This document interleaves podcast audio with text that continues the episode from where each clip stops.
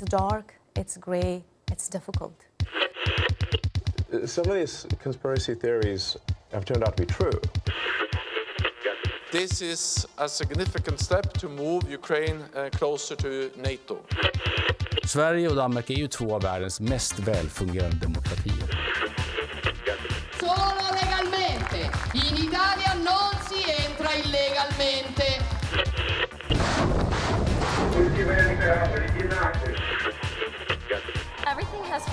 Place. I feel really good about where I am right now. Fredrickson of Denmark and uh, the, the Minister Jacobo, daughter of Ireland. Do you guys ever think about dying?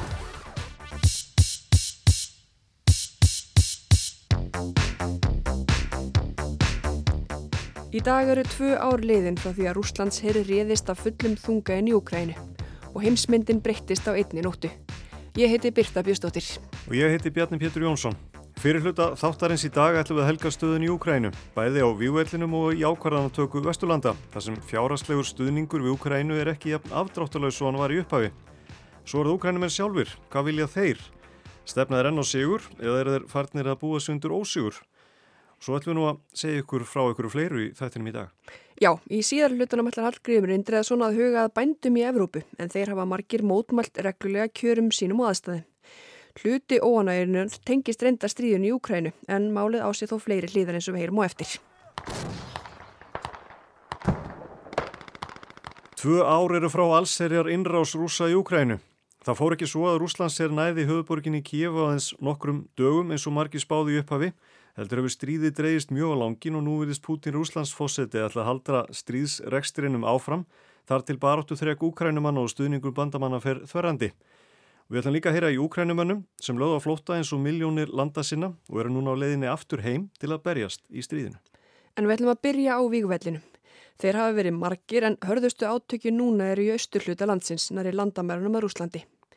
Við ætlum fyrst að heyra í Jóni Björgvinsinni fréttamanni Rúf sem var þar skamt frá á dögunum og síðan í öðrum stríðsfréttaritara Mauro Mondello sem hefur skrifað um stríðsátök síðustu 15 ára í marga af helstu fjölmiðlum heims. En við byrjum skamt frá borginni Kúpinas í Austur-Úkrænu með Jóni Björgvinsinni.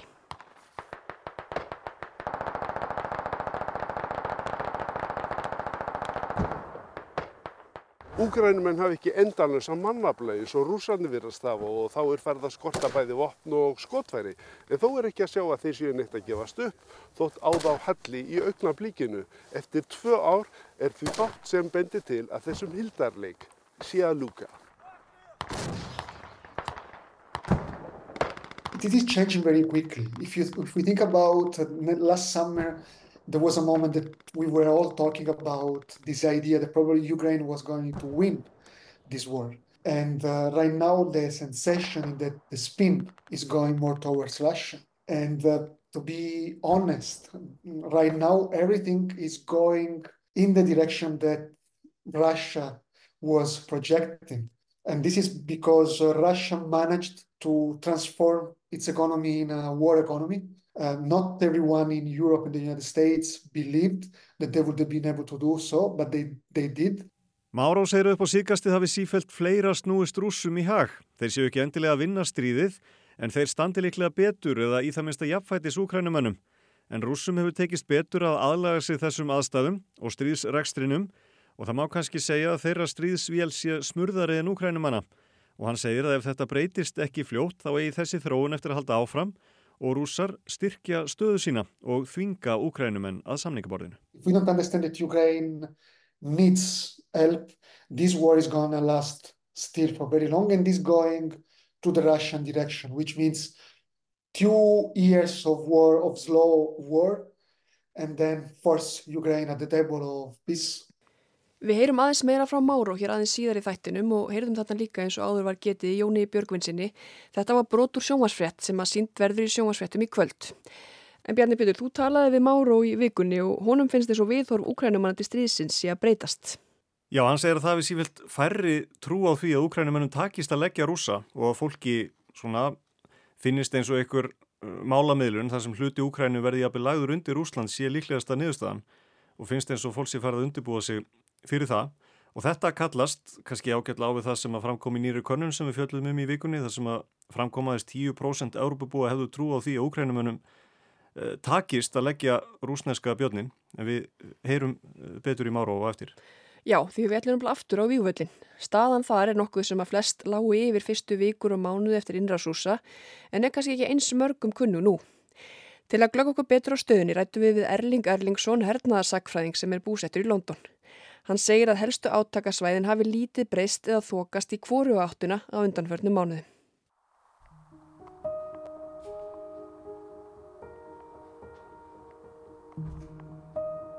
aðalega hefur það verið þannig að rússar hafi verið að reyna að sækja fram af takmörkuðu leitu og með takmörkuðum árangri en það sem gerðist núna á undarföldum dögum er að úkrænumenn ákvaða að draga lið tilbaka sem var undir miklum þrýstingi hálf umkringt uh, í Avdívka sem að rússar hefðu sóttað í fjóra mánuði og rúsneski herrin hefur núna tekið þær rústir einar sem eru, eru bærin sem var Avdívka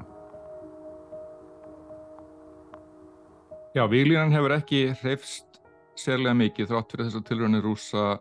Það helgast aðalega því að þeir hafa takmarkaða getu til að brjótast í gegn með brennvörðum sveitum, skriðdregum og svoleiðist. Þeir eru að beita stórskotaliði og fótgöngulegis árásum sem að geta náð einhverjum hundruðum metra í, í senn en, en er ekki gegnubróts aðferði hernaði. Þannig að við höfum ekki séð stórar breytingar síðan bara gagsókn úkrænumanna sem að leisti eh, landi kringum Kharkiv uh, fyrir meirin ári síðan. Hvernig finnst þér svona eins og staða núna? Ég meina, er þetta núna orðið eitthvað stríð sem annarkor aðalinn getur unnið eða erum við að fara að sjá fram á sömu pattstöðu bara næstu mánuði og jæfnvel ár? Við erum komin í það sem að núna eh, má kalla mulningsstríð eða á ennsku kallað war of attrition sem að snýra því að báðir aðeinar beita stórskotaliði og takmörkuðum aðgerðum ekki til gegnum brots heldur til að valda tjóni á anstæðingnum og grafa undan þá baráttu þreki og baráttu getu anstæðingsins. Vissulega getur annarkur aðilinn unnið stríðið, uh, það er hins vegar ekki líklegt að það verði gríðarlega hraðar breytingar á vývætlinum en það eru samt blikur á lofti eftir því sem stuðningur Vesturland og þá sérstaklega bandaríkjana við Úgrænu hefur dreyist saman að það gefur rúsum heilmikið tækifæri til, a, til að sækja fram af því að þeir hafa náða endur uh, skapa eitthvað af þeim liðsabla sem þeir hafa tapat til þessa í stríðinu. Og þá komum við að því að hvað, miklu leiti stendur gengi Úgrænu fellu með stuðningi NATO-ríkjana? Það er algjörð líkil atriði að, að sá stuðningur haldi áfram. Eh, svona stórskotaliðs hernaður eins og við erum að horfa upp á núna kallar á 20.000 eh, skotfæra helst á hverjum degi og það er það sem rússar er að beita og hafa náða að auka sína framleiðslu og fá, fá skotfæri frá Norður Kóri og víðar. Meðan ágrænum en hafa fengið minni uh, vopn og, og, og, og búnað frá Vesturlandum það hefur dreyið saman Európa-sambandinu verið ekki tekist að standa við markmið um að framleiða miljón stórskotalið skot fyrir Úkrænu herr og við þekkjum sögun í bandaríkjunum þar sem að klopningur pólitískur eh, er búin að setja allan stuðning við Úkræni mikið upp á. Og þú nefnir hérna rúsaregan og ykkur að hauka í hodni. Hversu lengi geta rúsarni staðið í hernaði sem þessum? Þetta er í raun og veru hefðbundin hernaðar aðferð rúsa og hefur verið um ár hundruði.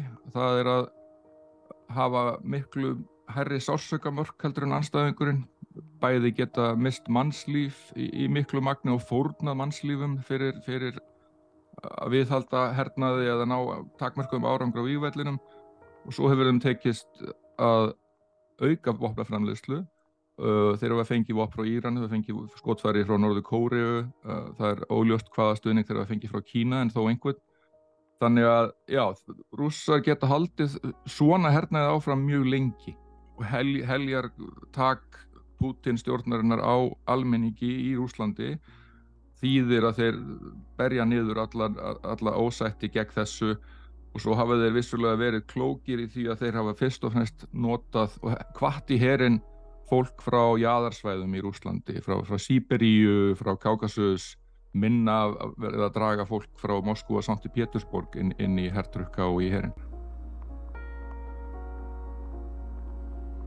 maður heyrði svona fyrst þegar stríði bröst út eða innrásin hófst svona að margir vildu koma og berjast fyrir sín hérna, heimalönd, bæði rússar og úkrænumenn. Hvernig hefur gengið núna þessi teimur árið síðar að manna herdeildirnar? Já, bæ, bæði lönd treysta á herrkvæðningu og það hefur, það hefur farað svona mísjafna sögur að því hvernig það hefur gengið úkrænumegin. Þeir hafa vissulega náða að draga inn töluvert af liðsabla, þeir hafa bannað karlmönnum og hernaðar aldrei að yfirgefa landið. En við höfum líka séð að meðalaldurinn í hernum er orðin mjög hár, hann er einhver staðar í nálagt, nálagt 50 árunum sem er, sem er ekki það sem maður myndir sækjast eftir í, í hernaði almennt. Þannig að það er ákveðið veikleika merki og, og, og í raun hefði Úkræðin átt að stækka hérin mun meira en það er að við gerti þessa. En það hangir líka sama við að þú verður að geta þjálfa það lið, þú verður að geta búið á vopnum, það er ekki nóg að fá bara menn í herin, meðan Rúslandsmegin þá er ekki eins mikið vandamála með útbúnað sérstaklega því þeir treysta mjög á fóðgöngulegs árásir og mjög einföld vopn. Þannig að þeir hafa geta kallað mikinn fjölda fólki í herin uh, og, og vopnað og beitt í þessum fóðgöngulegs árásum svo eru fregnir að því að þeir verið að ráða málaliða frá Afríku og, og víðar og þannig að það er all, alls konar lið dreyið inn í, í þennan rúsneska herr En ef við tökum, sko, burt sér frá þeim sem er að berjast á vígvellinu, hvernig er svona andrumslottið í löndunum tveimur? Trúir fólk uh, í Úkrænu og Rúslandi bæði á sigur í þessu stríði? Báðum eigin er það mjög erfitt að meta. Stjórnaldi Kív hafa á miklum klókindum gett þess að, að opna ekki flóðgáttir á, á andúð gegn stríðinu en, en það að, að fórsetin rak yfir hersöðingja sinn núna nýlega eða skipti honum út, það er ákveðið merkjum að það sé ósætti með hvernig framgangur stríðsins sé að spilast þannig að já, við höfum ekki sérstaklega goða mynda því Úgrænum megin og Rúslands megin er náttúrulega bara fræg þessi kremlarlógi að reyna að spá í hvernig andrúrslóttið er í Rúslandi við uh, vitum bara að Putin hefur hel, helgreipar á öllum uh, hérna, fjölmiðlum og upplýsingarmiðlum til almennings og manni sýnir svona helsta viðtölum sem er að byrtast og einhver er að ná að taka að almenningur kaupi í raun og veru þá líi sem að liggur á bakvið innráðsan í Úgræna þarna sé einhvers konar nazistaríki sem, sem ógnir Úslandi og það er enda svolítið breytilegt hvað Putin talar um. Stundum er það reynilega að takast á við Satan sjálfan þarna. Þannig að en, en það er ekki neinn merki um það raunverulega andstaða sér að bresta fram í Úslandi og þetta sjáum við síðustu fréttir með, með drápið á Navalny. Að, að það bara Putin telur sér verið í mjög sterkri stöðu innan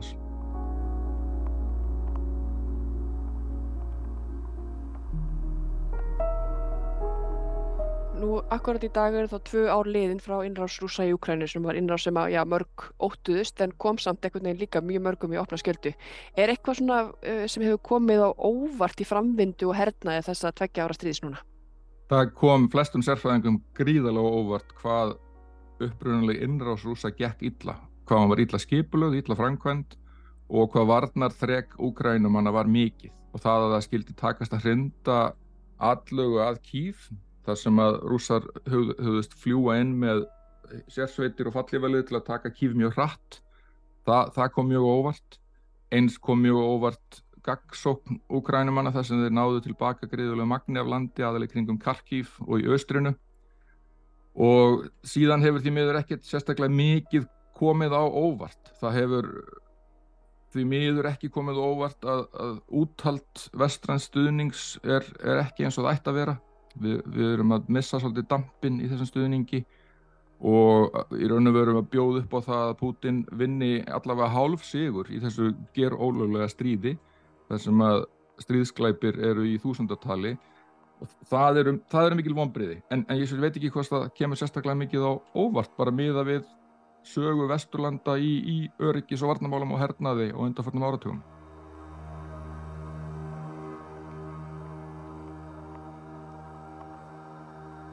Nú eru kostningar í bandaríkjónum í nógumber. Skiptir, hversu miklu máli skiptir fyrir framvindu þessa stríðs hver vinnur þar? Það liggur fyrir að, að þær kostningar geta haft úrslita áhrif í þessu stríði ef að Donald Trump eða hreinlega ef að eitthvað kemur fyrir Donald Trump, einhver annar republikani kemst í fórsetastólinn þá er mögulega útséð með stuðning við Úgrænu.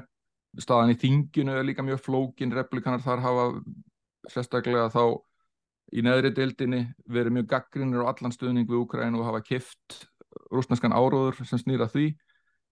Þannig að það er, er mjög mikið húfi í þeim kostningum við veitum ekki bara varðandi þetta stríð. Nú ef að Joe Biden vinnur og, og verður áfram fórseti þá eru vonir til þess að stuðningur geti aukist á nýjanleik en það, það er aftur háð því að það sé náð einhverjum, einhverjum, einhverjum samstöði þinginu um það sem, sem er óljóst og, og tíminn vitanlega meðan stuðningur best ekki frá bandaríkjónum vinnur með rúsum. Nú hafa heimsverðandóldi fylst með því sem hefur verið í gangi á Gaza síðan 7. oktober fyrra. Uh, hef, hafa úkrænumenn liðið fyrir stuðning og aðtegli sem að þau átöka að fengið? Það held ég að sé alveg ljóst að, að í sömum tilfellum hefur við verið hægt að tengja þetta saman þá í bandarækji þingi til dæmi stuðning við Ísrael og stuðning við Úkrænu og, og síðan hefur þetta, já, tekið fókus frá framferði rúsa í Úkrænu og hernaði sem þeir standa í þar. Og þó að þeir atbyrðu sem er að gerast á Gaza og í Palestínu séu vissulega hörmulegir þá verður að segjast að það er meira í húfi í Úkrænustriðinu þar sem að alþjóðlugur er þverrbrotin og við erum að sjá í fyrsta skipti ríki í Evrópu reyna að sölsa undir sig hluta af nágrannaríki með valdi. Við hefum ekki séð þá aðferðafræði síðan 1945 þannig að það er ætti ekki verið meiri í húfi og þess vegna eru viðbröð Vesturland ákveðum ombrið og það líka eru mikil vombriði hversu mikil fæling hefur verið á að láta ókrænum en fá þau vopn sem þeir þurfa. Þeir hafa fengið mikil stuðning en ákveðna tegundar af vopnum hafa þeir ekki fengið og það hefur breytt stöðu átakana mjög mikið og í raun og veru gæti Úkræna verið í miklu betri stöðu ef að stuðningu Vesturlanda hefði, hefði ekki verið takmarkaðar eins og hann hefur verið.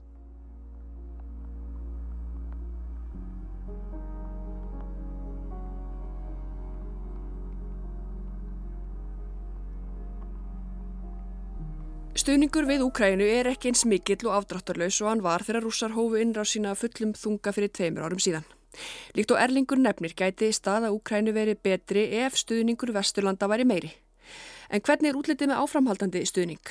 Fyrirætlanir stjórnvalda í bandaríkjunum um hernaðaraðstöðu upp á 10 miljardar dollara eru fastar í fulltrúadeild bandaríkjathings og ukrainskir herfóringar eru þegar farnir að tala um að skortur á skotfærum og nýjum vopnasendingum sé farin að há hersvitum þeirra í baróttunum við rúsa. Leðtóa Evrópusambandsríkjana samþyktu nýlega áætlunum efnagslegan stuðning til Úkrænu upp á 50 miljardar evra en í nýlegu yfirliti þýsklar stopnuna sem fylgist með framlögum ríkja og ríkja sambanda til Úkrænu kemur fram að Evrópsk ríki þurfi að tvöfalda hernaðaraðstóð sína til að halda í horfinu farið svo að bandaríkja stjórn hætti að senda vopn. Og á línunni er fréttarittari okkar í Brussel, Björn Valkvist. Eh, Björn, hvernig metur þú stöðuna með við síðustu vendingar? Eru líkur á því að Európaríkin bæti enn frekar í stuðningsinn? Sko það er auðvitað erfitt að segja um þessa myndir en það er allavega nokkuð ljóst að það eru vaksandi vitund hérna megin allasafsin sem að Európaríki þurfi að bæta í sín hernaðalega stuðning. Ég fylgist nokkuð vel með örgisráðstöfnunni í munnhjönum um síðustu helgi og þetta var svona megin þema þar, ekki aðeins evasemtur um pólitískan vilja í bandaríkjunum vegna Úkrænu heldur líka svona í stóra samhenginu um nöðsum þess að Európaríki þyrtu svona í náinni framtíð að snarauka sín framlög til varnar og örgismála standa á eigin fótum ef svo má segja og kannski hætta að líta á bandareikin sem örugan bandamann sem að kemið þeim til hjálpar. Þetta hefur alltaf verið megin hugsulun í öryggismálum álfunar í 75 ár síðan að Atlasafsbandalagi var stopnað. En sko hvað Úkrænu varðar þá vakti það mikla aðtegli á ræðstöfnunni í munn hérna þegar Mette Fredriksen fórsetis á þeirra Danmarku segði reynd út að þetta snýrist ekki bara um framleiðslu á vopnum heldur líka á vopna sendingar til Úkrænu og hún lísti því yfir að stjórnuldi Danmarku allir sér að senda allar stórskotaliðsbissu sem væri til hjá danska hernum til til Úkrænu. Metti var þarna í rauninni að skora á aðra eróska leitu að standa við þau stóru orð sem að þau og þeir hafa látið falla á undanförnum missurum um nöðsynast að hjálpa Úkrænum um að verjast rúsum og svona reykið á tilbaka yfir, yfir landamærin. Einmitt, en þó að allir séu, já, ofinbælega mistakosti sammála um það, þá hafa euróskið þjóðaleitóar allavega sömur hverjir verið treyið til að láta vopna hendi. Af hverju er það? Já, algjörlega, það hefur ítrekka komið fram sko, þjóðverðar tóku sér til dæmis langan tíma í að samþykja og senda eh, og, og, já, senda og leifa sendingar á þýskum skriðdregum til Úkrænu og þeir eru núna að velta fyrir sér beinu Úkrænumannum að fá langdragar, langdragar eldfröðar sem eru, eru framleitar í Þýskaland og heita Taurus Sko áhyggjur stjórnvalda í Berlín og víðar reyndar hafa alltaf snúist um mögulega stigmögnun átakana í, í Ukrænu og sérst, það hefur ekki raungest, allavega ekki hinga til með nýjum vopnasendingum og nýjum vopnakerfum. Hins vegar verður líka að nefna að Þískaland er það ríki í Evrópu sem hefur veitt mestan hernaðilegan stöðning upp á tæpa 18 miljardar evra um það vil helmingi meir en, en Breitland. Danmörk er svo í þriðasæti með rúmlega 8 miljardar og Danir eru reyndar líka í samstarfi við Noreg og Holland um að senda orustu þóttu til Úkrænu á þessu ári. Núna er verið að þjálfa úkrænska flugmenn í, Danmörku og reyndar viðar. En það er rétt, ríki í Evrópu hafa ofta á tíðum verið hikandi einmitt við að senda nýjar tegundur af vopnum út af óta við, við stigmögnun sem að, eins og ég segi, hefur ekki sérst, komið til. En það þá framleiðsla á vopnum og skotfærum sem er flöskuhálsinn þessa dagana? Já, algjörlega, sko, Európa-sambandi ætlaði til dæmis í fyrra að sjá til þess að Ukrænumenn fengju miljón sprengikúlur í stórskotariðspísur á einu ári, það tókst ekki að uppfylla það lofórð og svo hafa líka, sko, Európa-ríkin verið að deila um hvaðan þessi skotfæri að koma, hvort þau er að koma frá evróskum framleiðendum eða hvaðan sem er það eru skipta skoðaninu það þannig að það hefur ímislegt orðið til að tefja þetta og sama tíma og þetta er náttúrulega lífspursmál fyrir Ukrænumenn. Svo má kannski segja það líka að Evrópuríkin séu núna að vissuleiti að horfa upp á afleðingar þannig að því að hafa ekki lagt mjög mikla áherslu á fjárfestingar í varnar og öryggismálum síðustu 30 árin eða svo frá því að kalda stríðinu laug. Núna er þetta meira orðið að svona tilveistalegri spurningu fyrir Evrópuríkin, eh, sko ekki síst þau sem eru nálagt landamörum Rúslands. En svona aðeins í lokin, hvað með aðstóð íslenskra stjórnvalda? Sko Ísland hefur varið tæpum 5 miljardum króna í aðstóð til, til Ukrænu að því framkemur á heimasíðu auðaríkisræðunandisins. Þetta hefur mest farið í mannúðar aðstóð en einnig í hernaðar aðstóð á aðlegi gegnum NATO. Nú síðast ákvaðu íslensk stjórnvöld á fundi vartamálar á þeirra NATO hérna í Brussel að veri fórsvari fyrir verkefni með Litáen þar sem um 20 ríki innan NATO taka þátt í sem tengist sprengjuleit og sprengjueyðingu í Ukrænu. Við höfum verið að þjálfa sprengjuleitarmenn frá Ukrænu í Litáen og svo bóðaði utarikisráð þeirra nýlega að hann myndi lækja fram langtíma áallun um, um stöðning við Ukrænu þannig að íslensk stjórnvöld hafa verið að gera ímislegt en þau eins og önnur geta eflust gert betur. En hvernig sem stuðningi við Ukrænu verður háttað þá eiga stríðsáttökin eftir að halda áfram. Við ætlum aðeins að líta aftur í tíman og skoða það sem hefur breyst á þessum tveimur árum. Núna eru Ukrænumenn að snúa aftur heim en miljónir lögðust á flóta eftir að stríði braust út af fullum krafti. Ég bað Máró sem við heyrðum í hér upp af að bera saman Ukrænustríði við önnur stríðsátök sem hann hefur fjallað um, til dæmis í Sýrlandi, Líbíu og Jemen. Og hann segir að öll umfjöllunum Ukrænustríðið hafi lítast á því hversu aðgengilegt landið hefur verið. Hann hefur til dæmis aldrei getað að fara með lest því sem næst á vývöllin og segir að núna séu lestirnar fullar, hvort sem þeir eru að fara til austurs eða vesturs.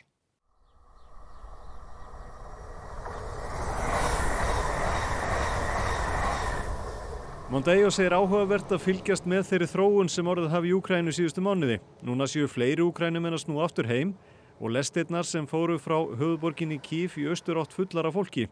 Þær voru nánast tómar fyrsta árið en þær sem heldu til vestus tróð fullar. At the beginning people very, were very scared and uh, were mostly escaping. Then we also saw in the last seven months, a lot of Ukrainians came back. I did many, many, most of the times I get to Ukraine taking a train that uh, leave Krakow and that arrive in Lviv, and then from Lviv go to Kiev. And at the beginning of the war, the train that was going to Ukraine was empty. Á meðal þeirra sem eru aftur á leiðinni heim eru Anna og Vladimir Matsúr. Þau hafa tvær dætur og hafa verið hér á landi. Anna frá því skömmu eftir innrásina en Vladimir í rúmt ár. Og hann ætlar aftur heim til að berjast í stríðinu. Now uh, government talking about that uh, uh, we don't have enough uh, people in army. Uh, we don't have enough people in our economic. Uh, it's all economic also must work. we need people, um, and it's became feeling um, I need to do something. Þau Anna og Volodymyr voru í viðtali í Kastljósi á fymtudag. Þau segast að hafa gott hér á landi og myndað sterk tengst við landið en ræturnar séu í Úkrænu þar sem þau byggu í borginni Zotomir. I need to be in Zhytomyr. I need to be with my mom, with my mother-in-law. Ukrainian, it's our place for life. It's our home. It's our life. Ukraine and it's our place for life. It's my home, and uh, no one can can takes me. The enemy can takes my home. Vladimir tekur undir þetta og segir að það við jafnvel verið erfiðara að vera hér, svona fjarrri stríðinu, eins ankannarlega og það hljómi, heldur en að vera í Ukrænu. Núna sé kallað eftir fleirum í herin og hann ætlar að svara kallinu. We must understand that uh, if uh, war stopped tomorrow, um, we will have a lot of problem inside Ukraine for like uh, country after war. I must try, uh, try to make new life in uh, safety, great country with, with my family. Öll fjölskyldan fer saman til Sotomir en þau segja framtíðins í óráðin. Stríðið gæti staðið í tíu ári viðbútt og Vladimir segist því að ákveðu að rétti tíminn væri núna. Nobody knows when it will done. Nobody knows. It can be one year or maybe ten years. If we don't make it now, uh, we can wait for all, all our life. Borgin Sotomir er í norðvestur hluta Úkrænu. Þar og í vestur hlutanum eru fleiri hlindir því að færa snær Evrópusambandinu og NATO. Því er þverugugt farið víða í austur hluta landsins þar sem margir eru hlindir því að halla sér frekar að rúsum. Þetta segir Mármondegi að sé áhugaverð þróun og hann heldur að eftir því sem stríðið hefur dreyist á langin séu fleiri hlindir því að semja við rúsa, sérstaklega í austur hlutanum. Hann ætlar á næstunni til hafnar borgarinnar Odessa sem er í suður hlutanum og þar ætlar hann að fjalla um hvernig borgin er að breytast og ekki síst hugur borgarana til stríðsins. Odessa is a very symbolic city of this war because it's a, it's a city that feels Ukrainian but has, that has a very, very Russian roots. I will go there to report about this and to report how the city has been changing and I expect right now to find a, a, a Ukraine that is a bit uh, more uh, doubtful about the future. I was talking two days ago Hann segir að margir borgarbúar hafi áhyggjur af niðurstöðu fósettakostninga í bandaríkjunum og Sigri Trumps og áhrifum þess fyrir Úkrænu.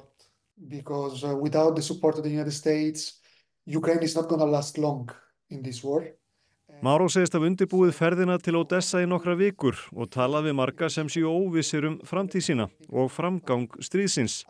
Hann segir að nánast allir íbúar hafi pakkað helstu nöðsinnum í tösku fljótlega eftir allsherjar innrás rúsa fyrir tveimur árum og búið sig undir að þurfa að flýja með stuttum fyrirvara. Rúmlega 15 íbúa og dessa flúði þegar stríðsátökin stóðu sem hæst þar síðasta sumar. Þeir sem heldu kyrru fyrir þá finni núna fyrir mikilli óvissu og séu farnir að horfa á töskurnar og fara vel yfir það sem þar er með tilliti til þess að þeir gætu þurft að grípa til þeirra fljótlega. 20% of the population left, but still it's a city quite alive. Uh, people might decide to leave, to leave uh, the city and to to uh, to become a refugee. So I think they are getting prepared for that. Absolutely, you can you had this sensation, but this is this is a sensation actually that you can see constantly where you are in the country. There is this uh, feeling of uncertainty, like uh, every apartment uh, of an Ukrainian house in every part of the country, so also the parts of the countries that we consider more quiet in terms of bombings, you would find a bag ready to just leave. And the sensation is that now, especially in this part of the country, the south southeast, this uh, feeling that that bag might be used soon is going to get stronger.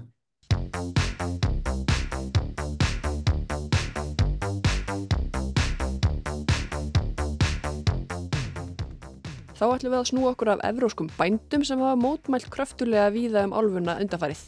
Þeir hafa trublað samgöngur í helstu borgum með því að leggja dráttarvílum sínum við fjölfarnar götur til ama og jafnvel tjóns fyrir borgara. Og honægja þeirra beinist að ímsu en mest að tilskipunum Európusambansins og stjórnvalda í Evrópu um að draga úr losun gróðrúsaloftegunda í landbúnaði. Hallgrimur Indriðarsson rínir nánar í ímsar hlýðar þessa máls og afleðingar bæði fyrir bændurna sjálfa og yfirvöld.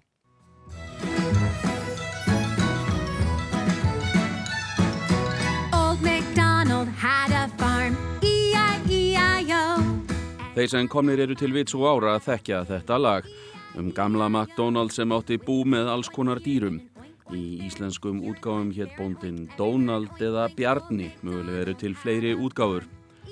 En stemningin á þessu búi er allavega bísna góð. With a moo-moo here and a moo-moo there and a ba-ba here and a ba-ba there and a nay-nay here and a nay-nay there and a quack quack here and a quack quack there and an oink oink here and an oink oink there. Það er ótt að segja að stemningin sé ekki svona meðal evrópskra bænda í dag.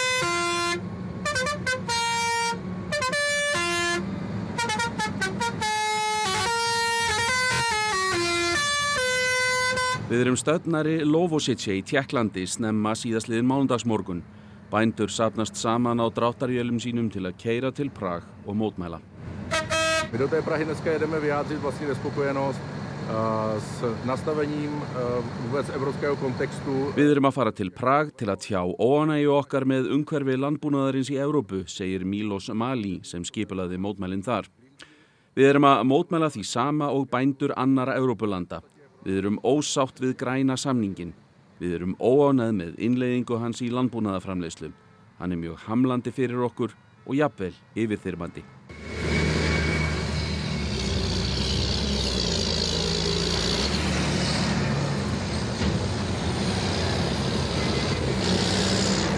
Dráttarvílarnar keirðu svo inn í miðborg Prag og hafðu þar verulega áhrif á umferðina en það keira um 100.000 bílar um miðborgina á hverjum degi. Svona mótmæli hafa verið daglegt brauð í Evrópu undan farnar vikur.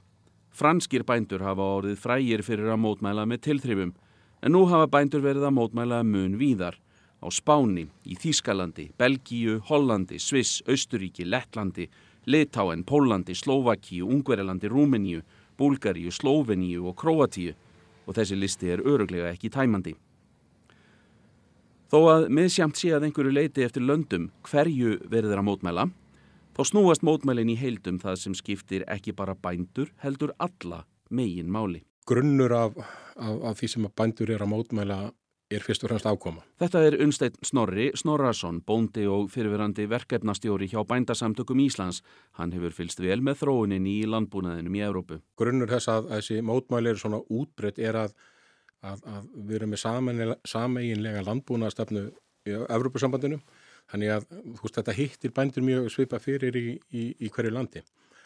En hins vegar eru síðan mismunandi kvatar eftir löndum hverju er verið að mótmæla. Það er verið að mótmæla fyrst og fremst ákomubresti, það er líka verið að mótmæla regluverki, það er verið að mótmæla uh, innflutningi, um, ódýrum matvælinn sem verið að flytja inn og, og hérna elstæti skatti og, og aðbúnareglugerðum, það er, það er aðeins mismöndi kvati eftir löndum. Sumlönd, til dæmis Þýskaland, hafa dreyið úr skattaívilnun til bænda á díselolju vegna loslasbreytinga nokkuð sem bændur mótmæltu fyrir á árinu með því að leggja hundruðum dráttarvila við Brandenborgarliðið í Berlín.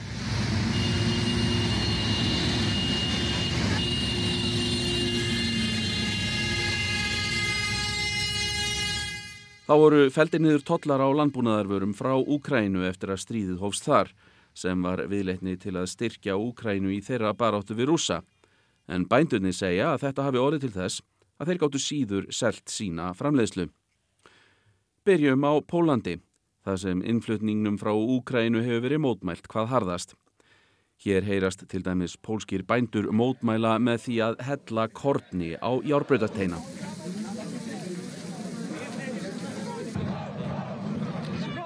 Zalewa nas ta żywność z Ukrainy i... Það flæðir inn matur frá Úkrænu. Þetta klúður hjá Evropasambandinu hefur mikil áhrif á okkur. Það er allt á kvolvi. Förum næst til Kroatíu. Nametnuli su nam taj uredski posao, znači da sam htio biti knjigovođa bi išao... Það búið að skella á okkur allir þessari pappirsvinnu. Ef ég hef viljað vera endurskóðandi, hefði ég sko farið í skóla og lært það. Ég er búin að vinna á dráttavél sín ég var tíu ára, ég var heima til að vinna á dráttavél, en nú þarf ég að vera átta tíma á dag á dráttavélinni og fjóra í bókaldi. Ítalskir bændur mótmæltu fyrir framann skrifstofu framkvæmdastjórnar Európusambandsins í Róm. Bændur hafa ekkert um ákvarðanir að segja. Þeir hafa enga samningsstöðu þegar pólitískar ákvarðanir eru teknar eða verð til bænda ákviðið. Við höfum sendt bref þar sem við byggjum evróskar stopnarnir að skipta sér ekki af ítölskum málum.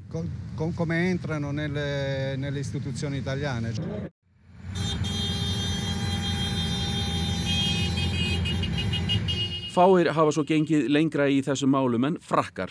Þeir eru ekki aðeins í því að sturta skít á götur og loka þeim með dráttarvélum sínum. Þeir sturta líka niður eigin framleiðslu eins og Mathieu Sibé, bíflugnabóndi. Mais pour le miel, c'est la même chose. On va être obligé de jeter nos fûts de miel. Við verðum að henda tunnunum okkar af hunungi. Ég er ekki ánæður með þetta því að það er mikil vinna í framleiðslunni. En þetta er það sem við verðum að gera við hunungið.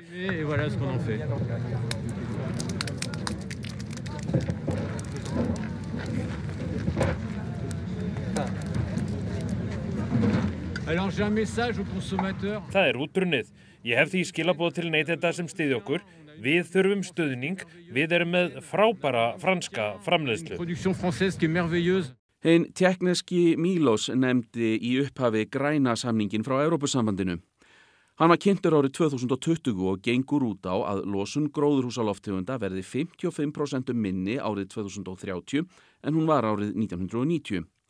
Árið 2040 á losun að vera 90% minni og stemt er að því að Európusambandið verði svo kólefni slutlust árið 2050. Gróður setja á 3 miljardar af nýjum trjám til að binda kólefni. Einn stærsti liðurinn í þessu er að skipta jarðefnaelsneiti út fyrir endur nýjanlega orku eins og vind, vassafl og sólarorku. Battle 2,000 acres of beans and cattle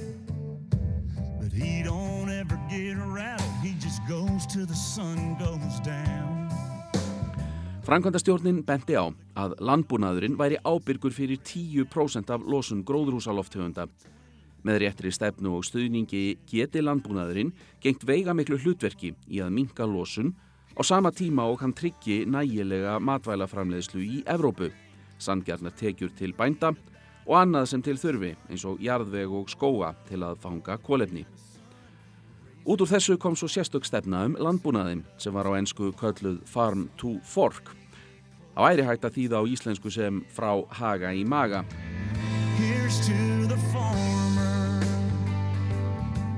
Grunnurinn í henni er um, uh, markmið um að ná niður til dæmis uh, markmiðvarandi samdrátt í losun árið 2030 að, að, hann, að, að, bændur í, í hérna Evropasambandun hafi dregin losun niður um 30% og kólefni slutleysi 2050 en það eru líka þarna uh, ákvarðanir um, um, um samdrátt í nótkun áburðar og, og að, að draga úr nótkun hjálparefni eða eiturefna í ræktun uh, sem að hittir bændur mjög illa fyrir. Nú eru bændur byrjaðar að, að vinna eftir þessu og bara til dæmis í síðastliðið sumar þá voru dæmi um uppskeru tap verulegt hjá bændum af því að þeir þurftu að draga úr nótkun og ákveðum plöntuvarnarefnum.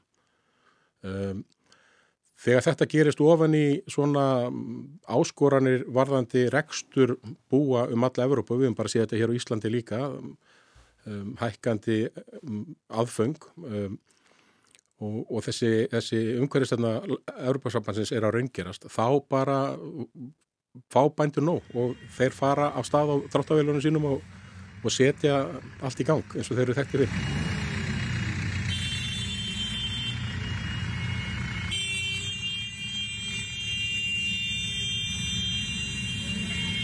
Fleira var í landbúnaðarstefnu Európusambandsins. Meðal annars átti að innleiða nýja tækni, engum líftækni, til að framleiða matvörur úr plönturíki hraðar en áður og með ímsum nýjum eiginleikum. Sambandið sjálft nefnir sem dæmi kartöblur sem geta þólað langvarandi þurka. like a different variety of potato.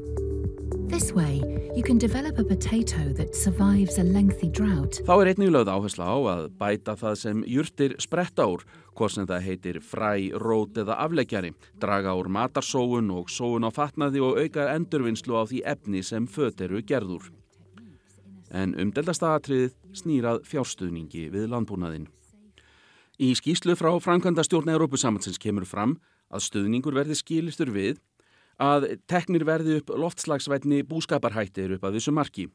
Það eigi við um 89% bíla í Európusambandinu og þeir sem ganga lengra en skilirinn segja til um hafi möguleika á enn meiri fjárstuðningi. Þetta hefur í för með sér miklar breytingar á mörgum bílum. Til dæmis aukin kólefnisbinding í jarðveg, ráðstafanir til að venda vot og mólendi, auka skórekt og draga úr nótkunna á tilbúnum ábyrði og skordýraeitri. Þá er líka hort til þess að draga úr losunum etans frá jórturdýrum, til dæmis með kynbótum, öðruvísi fóðri eða jafnvel með því að fækka þessum tilteknu dýrum í búrekstri. Þá er líka sett það markmið að 25% af ræktarlandi Evrópusambandsins verði lífrænt fyrir árið 2030. Unnsteitt bendir á að fyrir bændur sem hafi aðlagað sinn rekstur að ákveðnum aðstæðum séu breytingarnar miklar. Breytingar til þeim sem að varða aðbúna, það krefjast fjárfestinga eða þá þú mátt ekki hafa eins marga gripi og þá bara minka þína tekur. Eins verð, ef þú notar minni ábyrð þá farið minni uppskjöru og og hérna, þetta beita öðrum aðferðum í sjúkdómavörnum þannig að sko þessar breytingar sem að þurfa að verða eru svo um, það þurfa að gerast á svo skömmun tíma og það er svolítið bara eðli landbúnaðkerfa þau eru hæg og það, það er mikið fjárfesting í þeim og það er, það er ekki alltaf auðvöld fyrir bændur að stökka rætt til.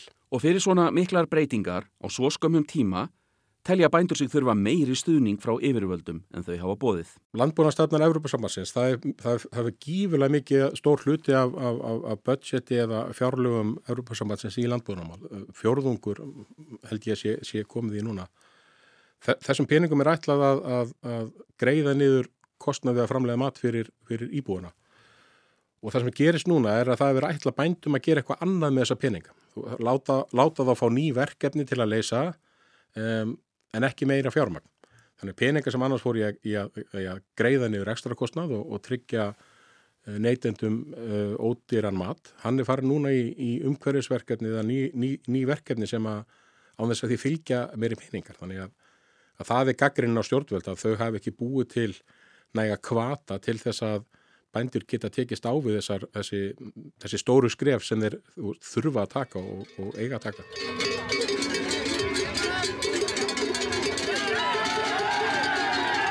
Einhverju virðast þessi mótmæli vera að skila. Sem dæmi hættu frakkar við áætlunum að leggja af skatta ívilnanir fyrir dráttarvélar sem ganga fyrir díselolíu. Európusambandið ákvaða hætta við áætlunum að draga úr skordýrætri og framlengdi frest sem bændur hafa til að taka frá land sem er ætlað sérstaklega til að auka lífræðilegan fjölbreytileika. Bændur eru þar að auki undanþegnir tilmælum um að minka losun gróðurhúsaloftegunda um 90% fyrir árið 2040. Unnsteitt segir að pólitískar ástæður séu fyrir því að yfirvöld hafi látið undan að einhverju leiti. Það er framundan kostningar til Evropaþingsins innan Evropasambansins í sumar og, og það er bara veist, ástæðan fyrir því að bændur ná þessi gegn á svona ótrúlega skömmun tíma að mér finnst. Því þeir eru rauninni búin að ná talsveit miklu fram og það er svo sem ekki alveg búið að raungerast en það er búið að tala til þeirra að það eigi að endur skoða kröfur til þeirra um að minga notkun á, á plöntuvarnarefnum og, og kröfur til þeirra varðandi uh, losun á, á kólöfnislóttegundum. Um, sjálfis er ekki búið að, negla það nýðu hvernig það verður. En það er alveg ljóst að, að pólitíska landslægi, það, það spilar stóra rullu í, í þessum viðbröðum og að þeir ná í gegn. Um, það er ekkert langt síðan til dæmis að, að hérna, bændir í Hollandi mótmæltu uh, köpnunarefni skatti sem átt að setja á þá og úr varð stjórnmálaflokkur sem náði 30% fylgi um, á kostningári og það, sko, þetta sá aðrir og vita bara hvaða máttur fylgir því uh, þegar bændur hérna fara út á þjóðvegina með dráttavílarna sínar. Öfga hæri flokkar á borfið AFD í Þýskalandi hafa reynt að nýta sér þetta með því að höfða til bænda í kostningabaróttu sinni til Európuþingsins og við því vilja yfirvöld stemma stegu. Í umræðinni hefur hins vegar verið bent á að bændur hafi sjálfur liðið fyrir loftslagsbreytingar af mannavöldum í formi til dæmis flóða og þurka sem hafa slæm áhrif á og jafnvel eiðilegja uppskeru. Því skjóti það skökku við að þeir séu á sama tíma að berjast gegn aðgerðum sem stemmi stegu við þessum áhrifum. Unnstein segir bændur meðvitaða um áhrif loftslagsbreytinga á þeirra starf. Þegar aðgerðirnar eins og Ég tökur sem dæmi aðgerðarna sem átt að fara í Hollandi. Það, það er snerust í rauninni bara um það til þess að minka losun að kaupa upp bú og, og draga úr framlegslinni. En á sama tíma e, þarf svo framlegsla koma einhver stað frá og, og þá er verið að fara að flytja inn landbúnaðvörur sem eru framleitar án þeirra krafna sem eru gerað til bændana heima fyrir. Þessu umræði þekkjum við líka hér á landi. Og, og, og þetta er náttúrulega líka að raungerast í európsku stjórnmálunum því Európa-sambandið hefur verið í, samlingaviðræðan við tollabandala ríkja í Suður Ameríku um, um innflutninga á, á matvælum og það hefur svona þú veist, bændur vita því og það er eiginlega búið að ganga frá samkómalæginu, það er ekki búið að skrifa undir það en það er svona líku fyrir línutnar sem er nættilega að fara þar. Þannig að sko bændirna segja byrju, okkur eigum við að vera loslasvænir ef að það þýðir það að einhver annar framleiði matinn minn með, með einhverjum öðrum aðferðum. Áskorunin af hálfu stjórnvalda heimsins er því mjög stór. Því eins og Chris Heggadon, aðjungt í matvæla stjórnmálum við Vísindaháskólan í París, orðar það. Maður getur lifað án ramagsbíls og farsíma, en ekki án bænda og matarins sem þeir framleiða. Þess vegna verður að hlusta á þá. Unnsteit segir ljóst að breytingarnar framöndan hafi afleðingar. Já, það er alveg ljóst að ef að, ef að landbúnaðar ná að skilja þessum kröfum sem eru gerða til hans varðandi loslasmál að þá mun það uh, leiða til þess að það verður dýrar að framleiða matinn.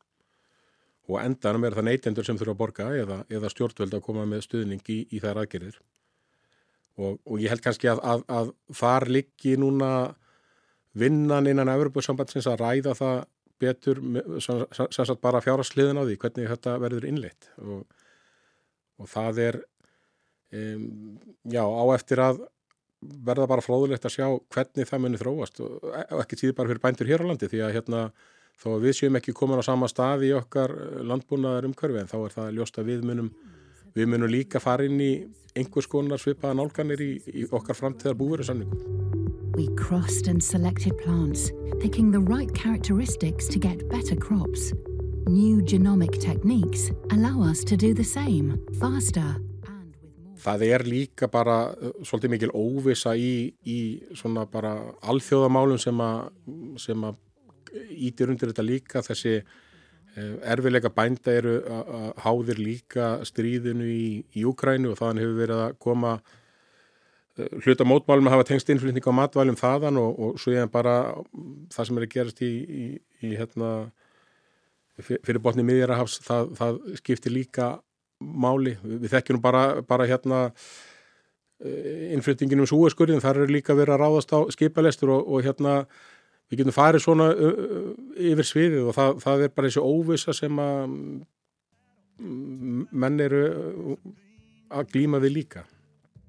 Um, matvæl, hvert mun matvæla verð þróast eh, á næstu árum og, hérna, en, en ég held að sé allir svona sammála, allir greinendur sem eru að horfa við sviðið að, að tími svona ódýra matvæla sé liðin og við séum að sjá talsverða hækkanir á kostnaði að framleiða bara mat í, á heimsvísu á næstu árum, áratugum. Og þá verður ekki fleira í heimskuðum í dag. En við ætlum að vera hér aftur á sama tíma í næstu viku. Takk fyrir að hlusta.